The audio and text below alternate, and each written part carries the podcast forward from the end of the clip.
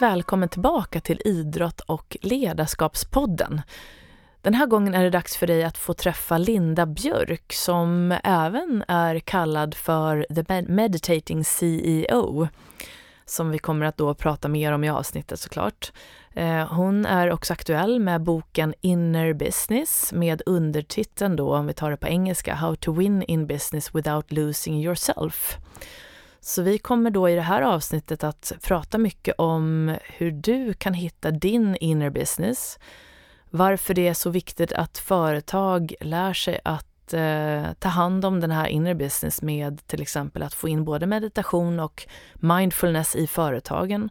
Varför det är viktigt att göra det kommer vi att få höra och även hur man kan göra det. Både som ledare men också i sin, sitt personliga ledarskap. Vi pratar en hel del i det här första avsnittet. Det blev nämligen två avsnitt. Så i det här avsnittet så pratar vi också lite grann om eh, var, eh, vad som händer när vi blir stressade. Ehm, I eh, Lindas bok så pratar hon om Mr Stress, Mr Autopilot och Mr Ego och hur det i princip är omöjligt för oss att lyckas med de här delarna närvarande. Så vi kommer att få lära oss hur vi kan lära oss istället att hitta vårt sanna jag och bli den ledare som vi alla faktiskt kan bli. Så vi kör igång det här första avsnittet och så hoppas jag att du är med oss då till nästa avsnitt som då kommer om en vecka. Så varmt välkommen och eh, nu kör vi!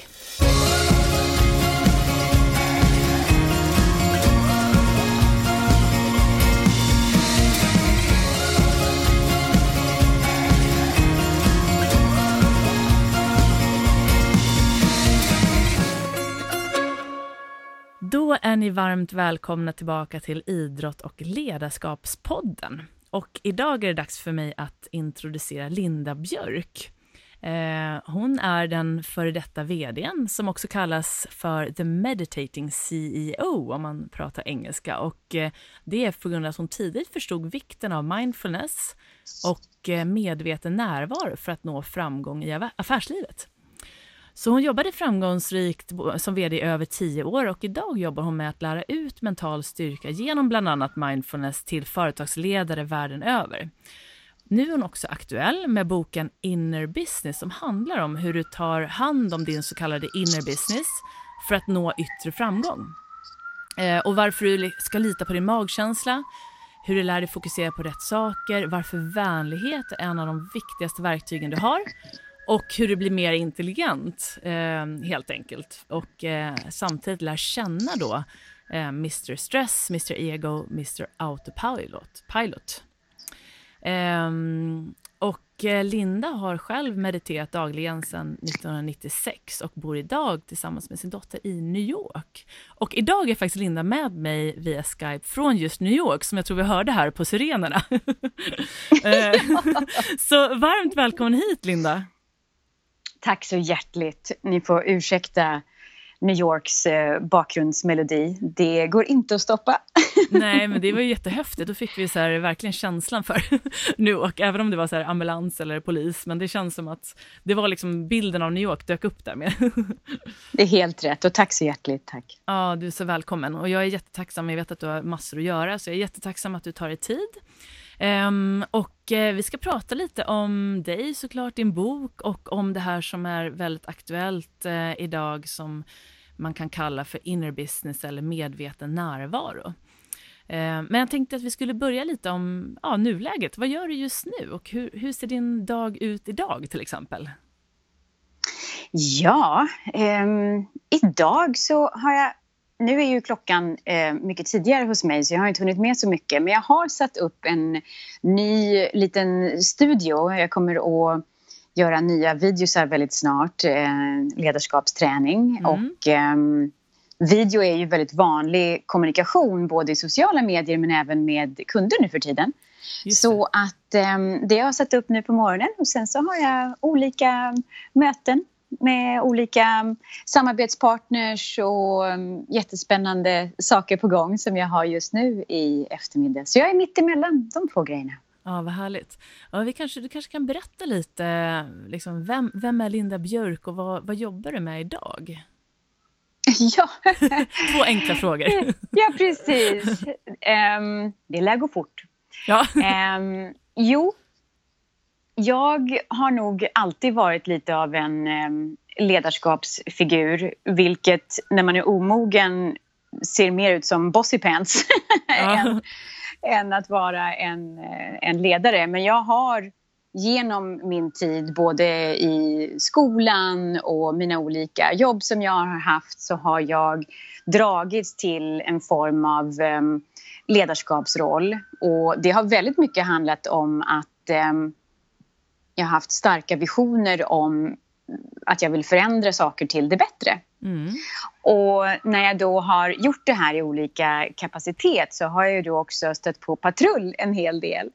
Så att just idag är jag verksam på ett sätt där jag hjälper både mig själv och andra att eh, titta på vad är det vi stöter på både inom oss själva och i andra det är ju min eh, lärare, Dr. Robert Holden, han eh, säger um, alltid det angående uh, människor att um, nothing exhausts you more than trying to manage people. Så att ingen, ingenting gör dig mer slut än att försöka styra människor. Mm. Och um, det är ämnen som fascinerar mig ändlöst. Och som vd då, jag var vd i tio år för en eh, branding agency, en um, designbyrå som basades i Stockholm men vi hade uppdrag i många delar av världen och bland annat New York. Och um, det, det var en av mina bästa skolor eftersom det var jag som satt som vd, det var jag som höll i plånboken, det var jag som verkligen behövde en, en stor flotta designers och eh, account directors att vara hela tiden kreativa, att vara bra på att landa affärer, att vara vänliga. Alltså det var så många aspekter som gick in i att leda människor på ett bra sätt. Mm. Så, så det, är den, det är det intresset och det djupa, djupa intresset av den här stora frågan vilka är vi och varför är vi här som, som driver mig. Och jag tror att um, affärslivet är en av de mest intressanta maktfaktorerna idag. Mm. Um, vi har ju gått från... Tittar man tillbaka ett par hundra år så var det ju kyrkan som var maktfaktorn. Mm. Och sen så är det ju politiken som har varit en väldigt, väldigt stor maktfaktor. Men av flera anledningar så har ju den makten flyttats över till affärslivet. Mm. Så den biten finner jag otroligt intressant och det är där jag vill jobba och verka så att eh, människor har den här kontakten med sig själva medan de verkar i affärslivet. Så, så det är mitt stora intresse och, och där väldigt mycket lever jag. Mm. Så jag får nog säga att um, förutom att vara en närvaro bara som medvetande så skulle jag beskriva mig på det viset. Ja. mitt, gö mitt görande i världen. Ja, vilken härlig beskrivning. Eh, och eh, så kallades du då för The Meditating CEO, eller den mediterande vdn. Hur uppkom den, det liksom smeknamnet? Ja, det var ju i form av att eh, ehm, journalister skrev artiklar om mig när det blev eh, hot med eh, mindfulness etc. Jag hade då mediterat väldigt, väldigt länge. Jag började dock inte med mindfulness utan jag började med eh, transcendental meditation som mm. vi bruk, brukar kalla för TM. Mm. Och det är ju uppbyggt lite annorlunda då än, än mindfulness. Och, um, så att jag, jag var länge hade jag det som två separata... Jag förstår inte ens en gång hur det gick ihop i mig då. Men det var i alla fall så att jag hade jobb då inom Corporate America. Jag jobbade som VP och Creative Director för ett kommunikationsföretag här i USA. Mm. Och, och sen så hade jag mer som en hobby att meditera. Att det var min ja, det var en del av min rutin och det var en del av min, min, eh, mitt sätt att ta hand om mig själv. Men det tog ett förvånansvärt, förvånansvärt långt tag att få ihop vad det var för mekanismer inom meditation som gjorde att jag mådde så mycket bättre och faktiskt var mycket bättre på mitt jobb. Mm. Så vid något tillfälle så kom de här sakerna samman. Och, ehm, så, så vad som var sant hela tiden var att jag mediterade hela tiden. Mm. Men vad som ändrades över tid var att jag hittade sätt att få in det här i, i den organisation som jag ledde. Och det var med hjälp av mindfulness. Just det, för det var min nästa fråga här egentligen, att hur du liksom fick in mindfulness i ditt ledarskap, så att du, liksom, den här bryggan från att göra det själv till att också kunna använda det verkligen i ditt företag. Mm. Vi får komma ihåg att när jag började, som var eh, mer än tio år sedan, ja. så var ju inte mindfulness alls i ropet. Nej, precis. Så protesterna fanns. Ja, men det var det jag tänkte. Det måste ju ha ja. varit väldigt sådär... Ja, exakt. Så hur, hur, hur gick det till där när de... Började de sen med det här själva och ni gjorde det tillsammans? Steg för steg. Så första biten in var en form av personlighetsprofilering. Ehm, du är ju väldigt, väldigt väl bevandrad inom idrottsbegrepp vad det gäller mental träning och ehm, mm. det är mycket lättare för människor att ta till sig än det då som kan låta väldigt flummigt. Med andra ord mindfulness. Ja. Så att steg för steg så um, under den här tiden så utbildade jag mig till framgångscoach och jag hade vokabulär som inte var speciellt flummigt i början. Mm. Och sen så, så tog jag det då, vad som uppfattades som ett stort kliv, att vi alla skulle göra mindfulness och gå en sån åtta veckors kurs tillsammans. Ah. Jag, jag hade vid det här laget redan gått tre såna och eh, utbildade mig till mindfulness coach. Men jag var inte den som ledde mindfulness inom min egen organisation. Förutom korta meditationer på måndagsmötena. Ah. Um, och jag tror att det kan vara viktigt att tänka på att ibland är det bättre att ta in människor utifrån.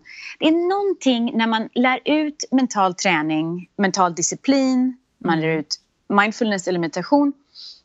Det är ungefär som att man sätter sig själv lite grann på en pedestal. Ungefär som att bara för att jag lär ut det här så kan jag det här väldigt väl. Mm.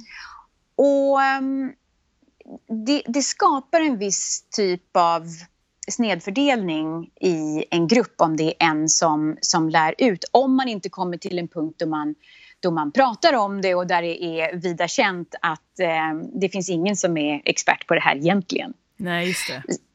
Och jag tyckte det var väldigt bra just då i vår organisation att ha eh, yttre personer som kom, kom in. Um, och det var mindfulnessgruppen som kom in och gjorde ett jätte, jättebra jobb. Mm. Men det var ju alltså de som, eh, som inte ville gå. Och jag hade sagt till alla de som kan ge mig ett bra argument för varför de inte vill gå, de slipper. Ah. Och det här var ju på arbetstid så det var ju inte det att någon behövde stanna längre eller komma tidigare för att vara med i det här. Tvärtom så, så var det någonting som eh, verkligen skulle ske på arbetstid för att det var någonting vi gjorde tillsammans. Mm. Så att eh, det visade sig att en inte ville dela med sig av sina personliga erfarenheter och sina personliga um, tänkomål mm. inför gruppen. Det, det, det, fanns en känsla av sårbarhet. Mm. Och då sa jag det att eh, okej, okay, jag förstår, du vill inte... Så speglade vad han sa. Och då sa han precis, och då sa jag det, jag köper det argumentet. Så jag skickar dig på en intensiv helgutbildning istället. Ja, just det. så, så, han kom inte... han kom inte undan. han kom inte undan. Ja. Um, men han var klar med sitt argument och det var ett bra argument så vi ändrade. Um, och um, en annan snubbe som exempel sa att eh, det kändes helt fel för det kändes religiöst, det kändes liksom, eh, var ingenting som som han ville skriva under på. Eh, mindfulness har ju, man, ska, man, kan ju argumentera att mindfulness kommer från buddhismen så att Eh, men man kan också argumentera att den inte gör det. Så att, men det här var en känslighet för en av deltagarna, mina anställda. Mm. Och då sa jag det, okej, okay, du får uh, vara med två gånger. Försök vara med två gånger. Så berättar du vad du tycker i efterhand. Liksom. Därför att jag, jag förstår din rädsla, men jag, jag, jag tror inte att du kommer uppleva den. Just det. så var det ja. så lustigt efter, efter en eller två gånger så, så kom han tillbaka och, och um, han har haft armarna i kors hela tiden men nu så, så sa han det att ja, jag tycker inte att det här bör heta mindfulness. Mm. Jag tycker det här är fokusträning. Just det. och då, och då frågade jag honom, känner du dig mer bekväm att fortsätta om vi kallar det för fokusträning? Och då sa han ja. Ah. Så um, jag kallar det för fokusträning istället. Ah. Ja, men exakt. Så vad är egentligen mindfulness om man skulle förklara det för dem, någon som inte riktigt uh, vet vad det handlar om?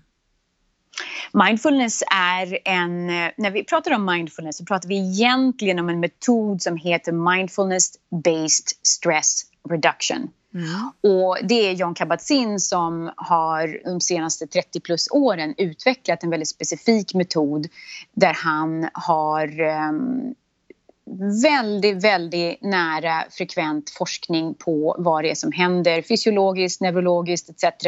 med oss när vi går igenom ett sånt här typ av program. Mm. Och eftersom det här är då gjort eh, på the University of Massachusetts så har du en väldigt typ av akademisk, rigorös typ av um, approach till hela utvecklingen av det här programmet. Så att det är åtta veckor, det är inte sju veckor. Det är åtta veckor, det är inte nio veckor. Det är åtta veckor. Det har de kommit fram till, det är det som krävs. Just det, jag förstår. Ja. Eh, och, och det här är övningarna vi gör. Vi gör inte andra därför att det är de här som de har provat det mesta. Mm. Um, så, så just den här träningen, vad vi egentligen tränar är vår uppmärksamhet. Mindfulness handlar om att träna på vår uppmärksamhet så att vi kan komma till att vara icke-dömande i den här stunden. Så att det finns en medvetenhet som är icke-dömande precis här och nu. Mm. Det är det vi övar i mindfulness. Mm. Och Det var så himla spännande, för att när vi jag, man, jag har ju hört om mindfulness tidigare och eh, som du vet har jag spelat eh, golf som proffs och där pratar man om att man ska ta ett slag i taget hela tiden. Det är det som oftast är nyckeln till att kunna hitta flow och verkligen lyckas. Man tänker inte på resultatet framåt och man tänker inte på det som har varit. Och det här ett slag i taget. Sen när vi satt i, när, vi hade, när jag hade lyssnat på dig på din föreläsning så delade vi taxi från eh, föreläsningen till ambassaden tror jag det var, eller om det var hem från eh, ambassaden i alla fall. Och då frågade jag mm. dig, eh, hur, hur mycket tränar du mindfulness? Och då sa du att nej men det här är ju mer ett sätt att leva, som till exempel nu sitter jag och håller ena handen på den andra och så prat, du nämnde någonting sånt. Då, då var det som att för mig, även om det här låter jättekonstigt, så för mig var det som, men gud, det är det som är hela nyckeln, att när jag spelar golf och ska tänka ett slag i taget så ska jag tänka på exakt bara vad jag gör just nu. Jag tar upp bollen, peggar upp den, ställer upp mig så att jag är liksom helt närvarande. Och det, det låter kanske otroligt banalt enkelt, men det var verkligen det som gjorde att så att säga poletten trillade ner när det gäller när man tävlar och blir nervös, hur man ska komma tillbaka till stunden för att då kunna prestera. Det var ganska häftigt tycker jag. Jättebra. Ja. Och, och, och det som blir... Språk är alltid märkligt och språk är väldigt vilseledande. Vi gör vårt bästa. Men när, vi säger ett slag i taget så tror vi att det bara är precis när vi slår som det gäller. Mm. Och det var ju det som... Så språkligt så hade det lagt sig på ett sätt i dig och när du hör en annan typ av ingång så lägger det sig i dig på ett annat sätt och där förstår du närvaron på ett, på ett annat sätt. Underbart! Ja, ja, så det hjälpte mig. Du vet, jag tävlade sen på sommaren, det var absolut ingen stor tävling, men eftersom jag inte tävlar så mycket längre så blir jag lätt nervös. Kraven kommer och jag borde vara så där bra som jag var när jag var proffs och så vidare.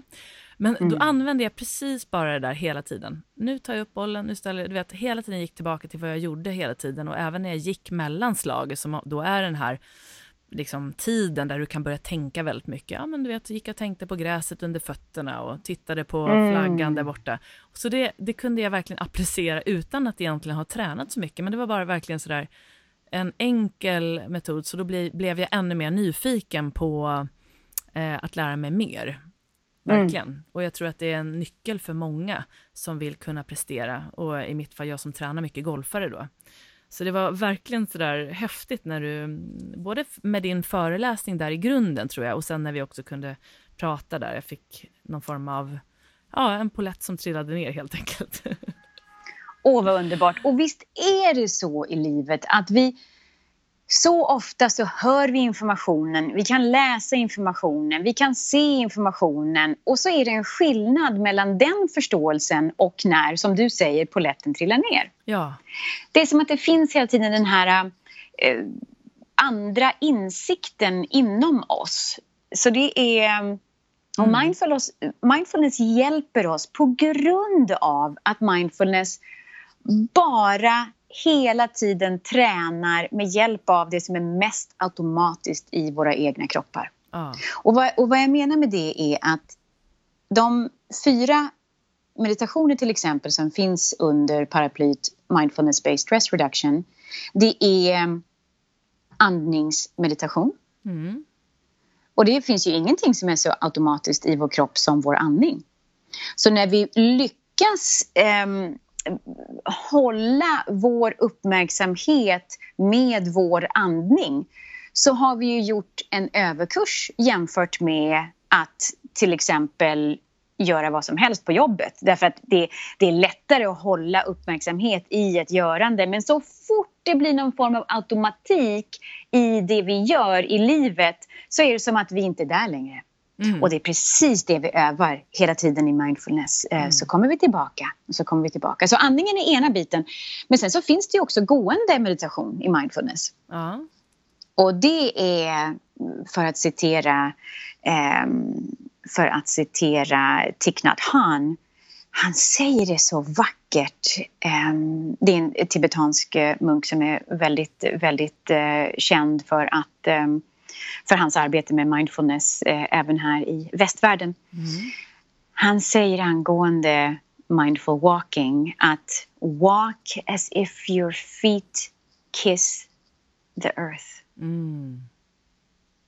Så jag tänkte på det när du sa just det här med att du gick emellan hålen då förstås um, ja. på din golftävling, att det är en form av um, mindfulness eh, meditation. Mm. Och sen så, sen så gör vi även bodyscan och så gör vi mindful movement, eh, alltså mindfulnessrörelse som en del kallar för mindfulness yoga. Så ah. det finns ett, ett smörgåsbord av olika eh, format egentligen att öva medveten närvaro som är icke-dömande. Ah. Och det är mindfulness. Ah. Ja. Och eh, vad, jag tänkte innan vi liksom går vidare och pratar ännu lite mer om det här med ledarskap och hur man kan ta in det här kanske i sin egen verksamhet så undrar jag om du vad du märker för skillnad till exempel när du, om vi går tillbaka till meditationen just. Om du mm -hmm. inte mediterar, märker du direkt eh, någon skillnad på dig eh, kontra när du just mediterar regelbundet? För visst är det så att du mediterar varje dag, eller? Det stämmer. Ja, Märker du, kan det vara så att du missar att meditera någon dag och så märker du direkt skillnad eller håller det i sig? Jag har försökt att inte meditera mm. olika perioder därför att eh, i någon sorts idé om att vänta nu, jag spenderar 40 minuter om dagen på meditation, mm, jag kanske kan göra mindre mm. eller skippa det helt och hållet. Så att jag har experimenterat med att inte meditera och eh, det har inte gått så bra. Utan vad som händer med en gång det är att jag är mycket tröttare och jag är mycket mer irriterad. Ja. Det, det, det är sådär omedelbara resultat ja, av ja. att inte meditera. Um, sen så kan jag också uppleva att um, de gånger jag har testat och, um, också när livet har varit sånt att jag eh, kan ha varit sjuk på ett sätt där det har känts väldigt obekvämt och jag har mm, försökt då återigen att inte meditera kanske i, i många dagar i sträck. Då känner jag en form av um, jag vet inte ens en gång hur jag ska beskriva det men det känns inte som att jag har samma tillgång till mig själv. Mm. Jag har inte tillgång till mitt minne, jag har inte tillgång till ja, den där mm. balanserade biten i mig själv. Lite svårt att sätta i ord, men eh, det mm. känns inte lika bra. Så att jag, jag, eh, jag håller mig till att meditera. Ja.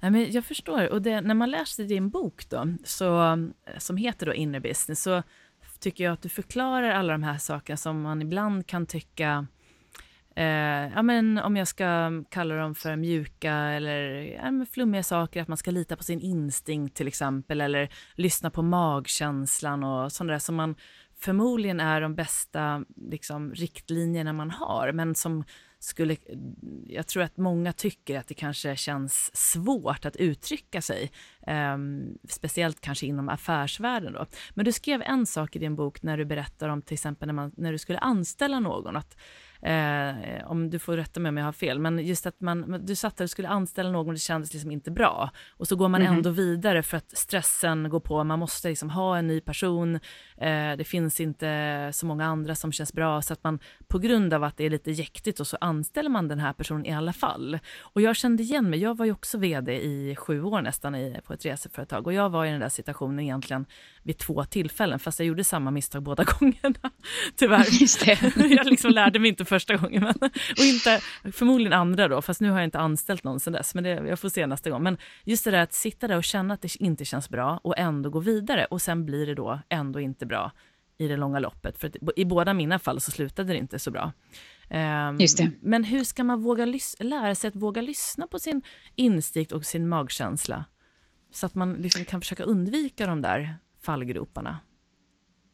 Ja, man börjar precis som du gör och det är att man gör en del misstag. Mm. Så vad som händer då är att man kan gå tillbaka och titta på okej, okay, men vad var det som, vad då inte kändes bra? Vad, vad var det? Vart, vart satt det i kroppen och kan jag på något sätt härleda till det nu? Mm. Jag, så att man gör ett undersökande i sig själv.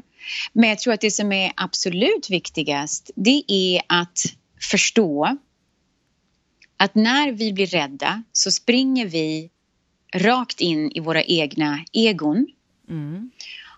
Och ett ego kan aldrig göra en bra anställning för vi, vi, vi tänker på fel saker. Vi är rädda, vi har ingen tillit till livet. Vi tror verkligen att det här är det bästa vi kan få och någonstans kanske det finns en botten där av att vi inte är värda att ha någonting mer än det här. Och det här är så typiskt och det här är ju precis som det alltid händer för mig och vi har ju med språket eh, skälpt oss själva mm. att, att tänka att eh, det blir inte bättre än så här.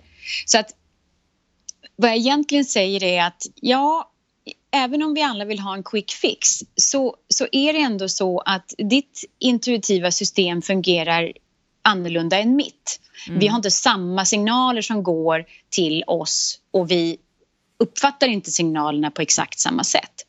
Så jag kan inte säga, ja du vet när det kittlar i nacken då vet du att det är det här som gäller.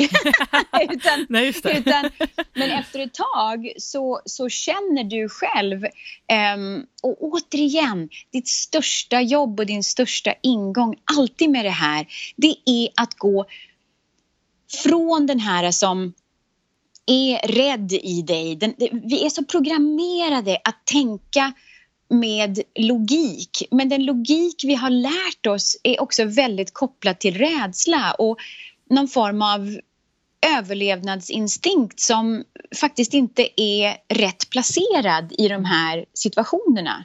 Mm. Så att det här handlar väldigt mycket om en resa att lära känna sig själv. Mm. Och, och det är därför vi väldigt ofta gör bättre val när vi börjar bli lite äldre som ledare. Därför att erfarenhet i sig själv gör att vi blir bättre på att lyssna på de här signalerna. Precis, man lär, lär känna signalerna så att man kan observera dem innan ett beslut kommer. Ja, och sen så är det viktigt med den här komponenten att det finns en form av tillit till en större bit som vi kan kalla för livet eller en större expanderad version av oss själva. Mm. Därför att vi, vi har verkligen begränsat oss till en väldigt, väldigt liten del i oss själva och jag är helt övertygad om att du ser det här väldigt många gånger med dina idrottskunder mm. eller vad du kallar dem. Mm. Ja, men exakt, just det.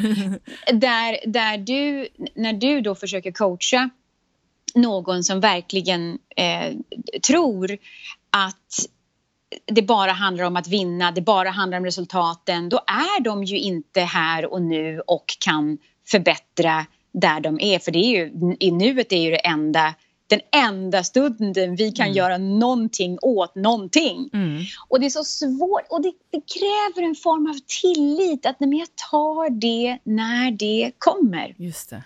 Så här sitter vi i anställningssituationen och vi tittar på den här uh, kandidaten och vi tittar på, de har rätt kläder, de säger tjena tjena på rätt sätt, vi tittar på deras resumé, deras CV mm och tycker det att nej men det, här, nej men det här är ju toppenbra. Och så kanske de lägger in lite grejer som, som just föder din rädsla. Mm.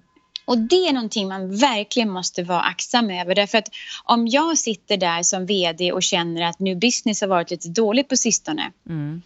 Då har jag en rädsla inom mig som handlar om att åh nej, jag kanske inte lyckas landa tillräckligt med, med jobb för hela företaget. Och så, och så kommer jag in med den rädslan och då behöver de bara säga en grej mm. som har att göra med att Nej, men jag känner ju Kalle och, och, och Berit här borta och, och säger någonting som får dig med en gång att tolka som att aha, mm. med den här kandidaten så kommer vi ha tillgång till en himla massa mer new business. Mm. Men det är väldigt ofta bara snack och om du känner till vad du är rädd för innan du går in i det här så kommer du inte att falla på den. Nej.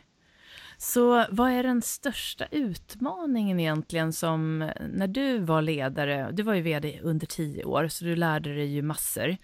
När mm. du kan se tillbaka på den tiden, vilken var den största utmaningen och vad var det du lärde dig allra mest? Tror du att du kan säga det på något Ja, mm. kan man komma ihåg det? På, komma ihåg det på, på något kort, sätt. På ett, på ett kort, kort och snärtigt sätt. Nej, det behöver inte vara mm. kort. Det går bra. Jag tror att det är den absolut största islossningen för mig när jag var vd. Det var en insikt, jag tar det här på engelska först därför att det är lite snärtigare på engelska. Ja. Det är när jag, när jag gick från en attityd av deserving mm. to serving. Mm.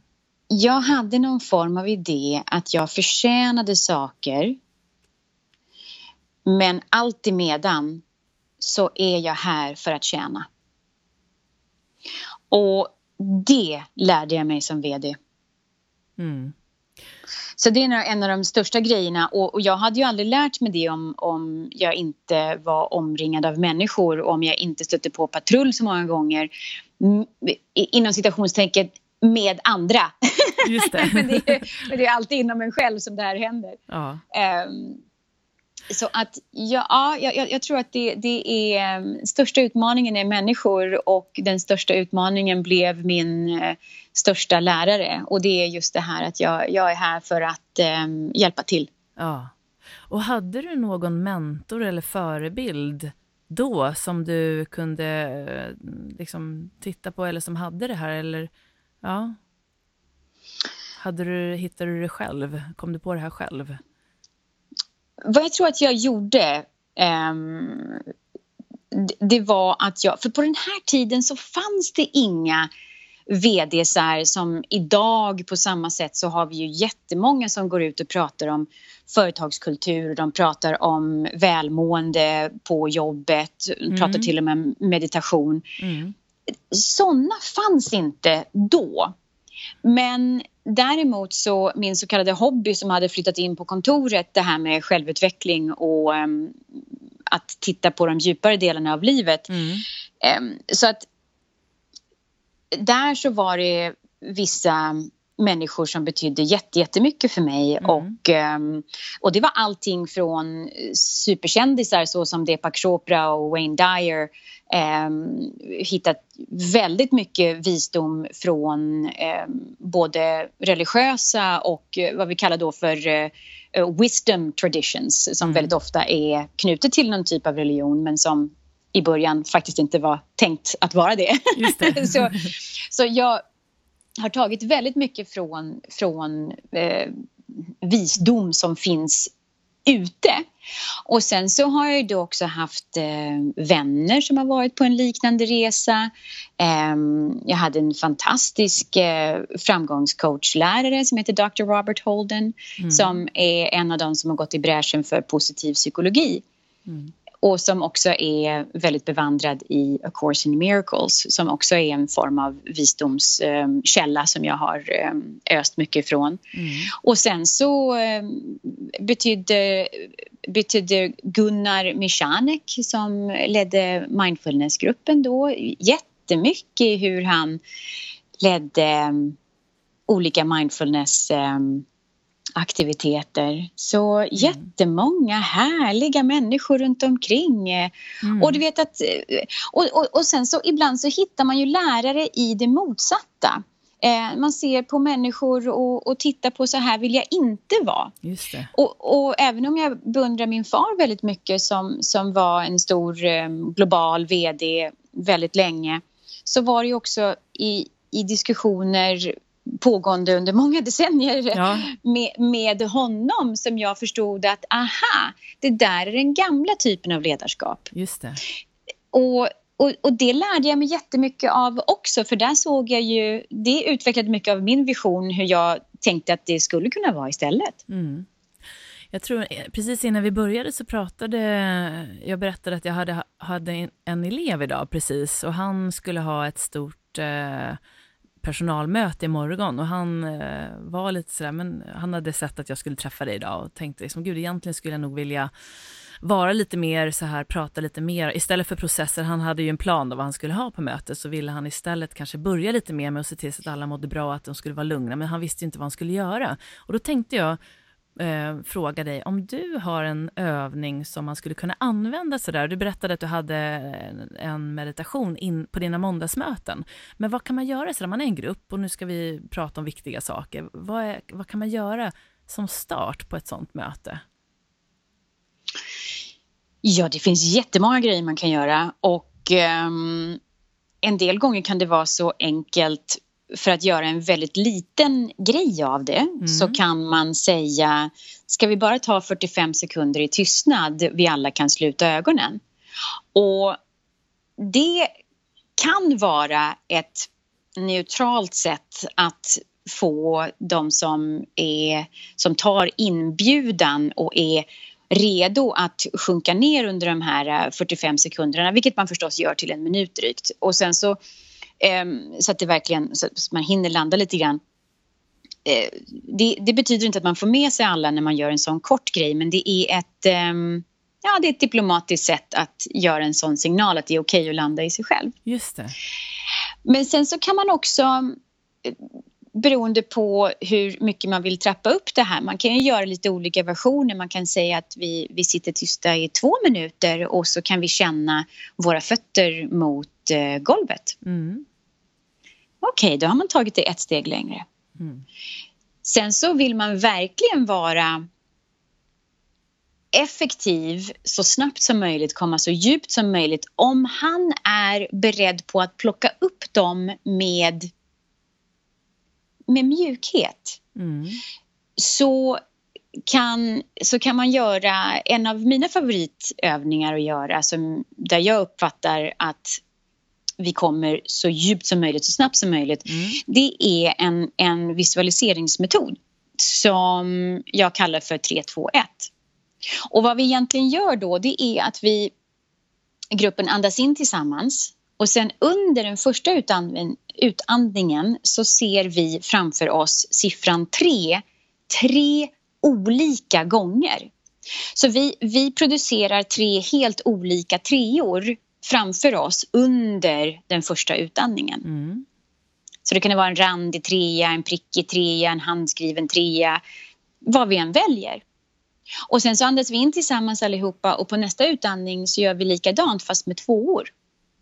Så vi ser tre olika tvåor framför oss under den andra utandningen. Mm. Och sen så kan du gissa vad som händer. Vi andas in tillsammans allihopa och så gör vi samma sak med ettan. Mm. Och när vi gör det så kan man, då, då kommer man väldigt djupt för man manipulerar andningen och man manipulerar med visualisering. Eh, det här är inte mindfulness. Utan det här är visualiseringsteknik som mm. också hör ihop då med, med andningsteknik. Mm. Det där gjorde ju... Ja, förlåt. Mm. Ja, så, så, att eh, det tillsammans eh, så kan man ju då sitta kvar lite grann med eh, en, ja, en, en tyst minut till exempel och, och människor kommer på olika sätt. Så det är en av mina snabbaste favoriter när jag, som tips. Det var ett eh, jättebra tips. Den gjorde jag ju när du hade din föreläsning. Jag märkte verkligen i rummet att alla kom ner i varv väldigt snabbt. Man kände det. Och det tog ju bara några minuter att göra det. Ja. Så ja. ja, men vad bra tips. Och när man nu pratar om ledare och ledarskap, vilka ut... Du jobbar ju med ledare och eh, hjälper dem att eh, fungera bättre. Vilka utmaningar verkar de främst ha idag, tycker du? Vad är det de mest behöver hjälp med? Initialt så handlar det väldigt ofta om att eh, jag är så stressad, överväldigad och trött. Mm. Jag är helt slut. Jag är sönderstressad. Eh, jag får panik. Det är det första sådär, ingången. Eh, men det som egentligen händer bakom den ytan upplever jag är att det finns en, ehm, en, en ledsamhet ofta över att det inte känns meningsfullt. Mm. Så det är ett det är en väldig massa omkringspringande och det är från minuten de vaknar till de går och lägger sig helt utmattade som det är ett i ett i ett i ett i ett. Och väldigt mycket av det kommer av att de inte är skickliga på att använda sitt mentala. Väldigt, väldigt få gånger coachar jag människor som behöver sluta jobbet eller göra om helt och hållet. Det handlar väldigt sällan om det. Det handlar väldigt mycket om hur vi använder vårt mentala. Men det, det, ja, ofta så händer ju det här under flera steg. Så att det jag ser som alltid största första utmaningen det är att känna oss själva rent neurologiskt och förstå hur vi, hur, hur vi händer. Det, och, ja. och, och, hur vi är programmerade och hur lite av det vi gör och tänker och känner som egentligen har med oss själva att göra. Ja. Och det där, eh, tycker du att det, förlåt att jag avbröt. Men Nej, bara, absolut inte. Det var, det var idag, det, det är ju väldigt mycket här i Sverige, mycket på radion senast idag så var det en kvinna som hade skrivit eh, boken Hjärnan är stjärnan om att eh, vår personlighet finns i hjärnan. Och det är mycket prat och det har kommit en annan bok av Anders Hansson som heter Hjärnstark, liksom att du genom träning stärker du hjärnan. Så det börjar bli väldigt mycket, upplever jag då, prat om hjärnan och att vi kan väldigt lite om vår hjärna till skillnad mot våra kroppar. Men upplever du att det här intresset ökar väldigt mycket av att man vill veta mer om sig själv? Att vi börjar vi bli bättre på att lyssna inåt? Ja, det, det upplever jag nog. Ehm, eller det tror jag vi kan, vi kan klubba som, som ett faktum att um, intresset i takt med att uh, A, vi får det väldigt mycket svårare med teknologins uh, intrång i våra liv. Mm. B, vetenskapligt sett så håller ju väldigt, väldigt många olika um, universitet och andra uh, research institutions på att komma ikapp med det många av oss redan har känt under väldigt lång tid. Mm. Eh, så att det finns faktiska vetenskapliga bevis vi kan luta oss mot och säga så här fungerar det egentligen. Så att, ja, det går hand i hand väldigt mycket med att vi um, vi har det väldigt mycket mer jobbigt på ett mm. annat sätt. Vi är inte beredda på det här. Vi är inte beredda på att vara tillgängliga 24 timmar om dygnet och då menar jag varje minut. Mm. Det, det, är liksom, och, och, och, vi får färre och färre spärrar. Folk tar med sig sina smartphones in på toa. Liksom. Det finns, det finns mm. ingenstans vi är inte, inte nåbara längre. Nej, nej. Och, och det är inte vi beredda för. Däremot måste jag säga att um, fokuset på hjärnan, här ligger nog Sverige efter lite grann det som är i USA. Ah. Um, så kan jag nog säga det att um, det, det, har varit ganska många år det har varit extrem fokus på hjärnan här i uh, USA.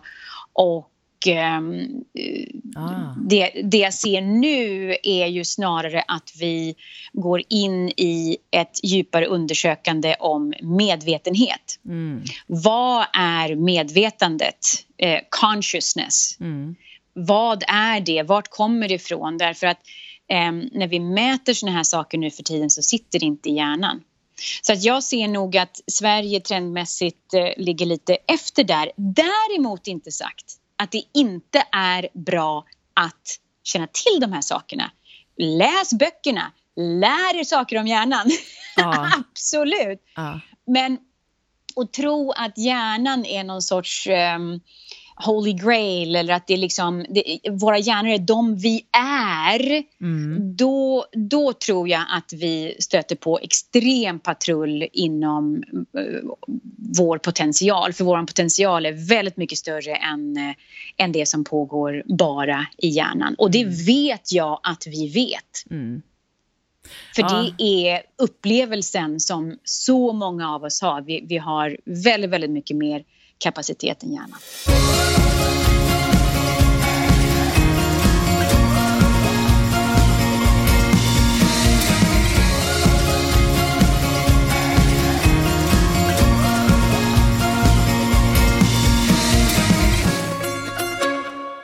Då har vi lyssnat till eh, mitt och Linda Björks första samtal och det här var då alltså det första utav två avsnitt.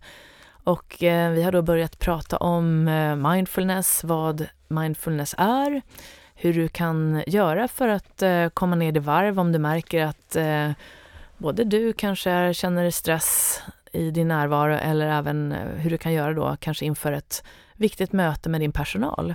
Vi fick då en härlig övning som du kan testa.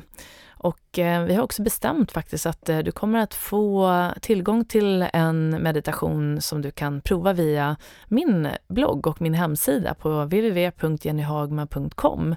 Så från och med nu så kan du gå in där och eh, kolla så kommer du att hitta den om du är nyfiken. Och eh, jag hoppas då att du har lärt dig en hel del den här gången och att du kan ta med dig mycket kunskap och inspiration och att du också är med mig nästa vecka när vi då fortsätter det här samtalet. Och tills dess då, ta hand om dig så ses vi snart igen. Hej då!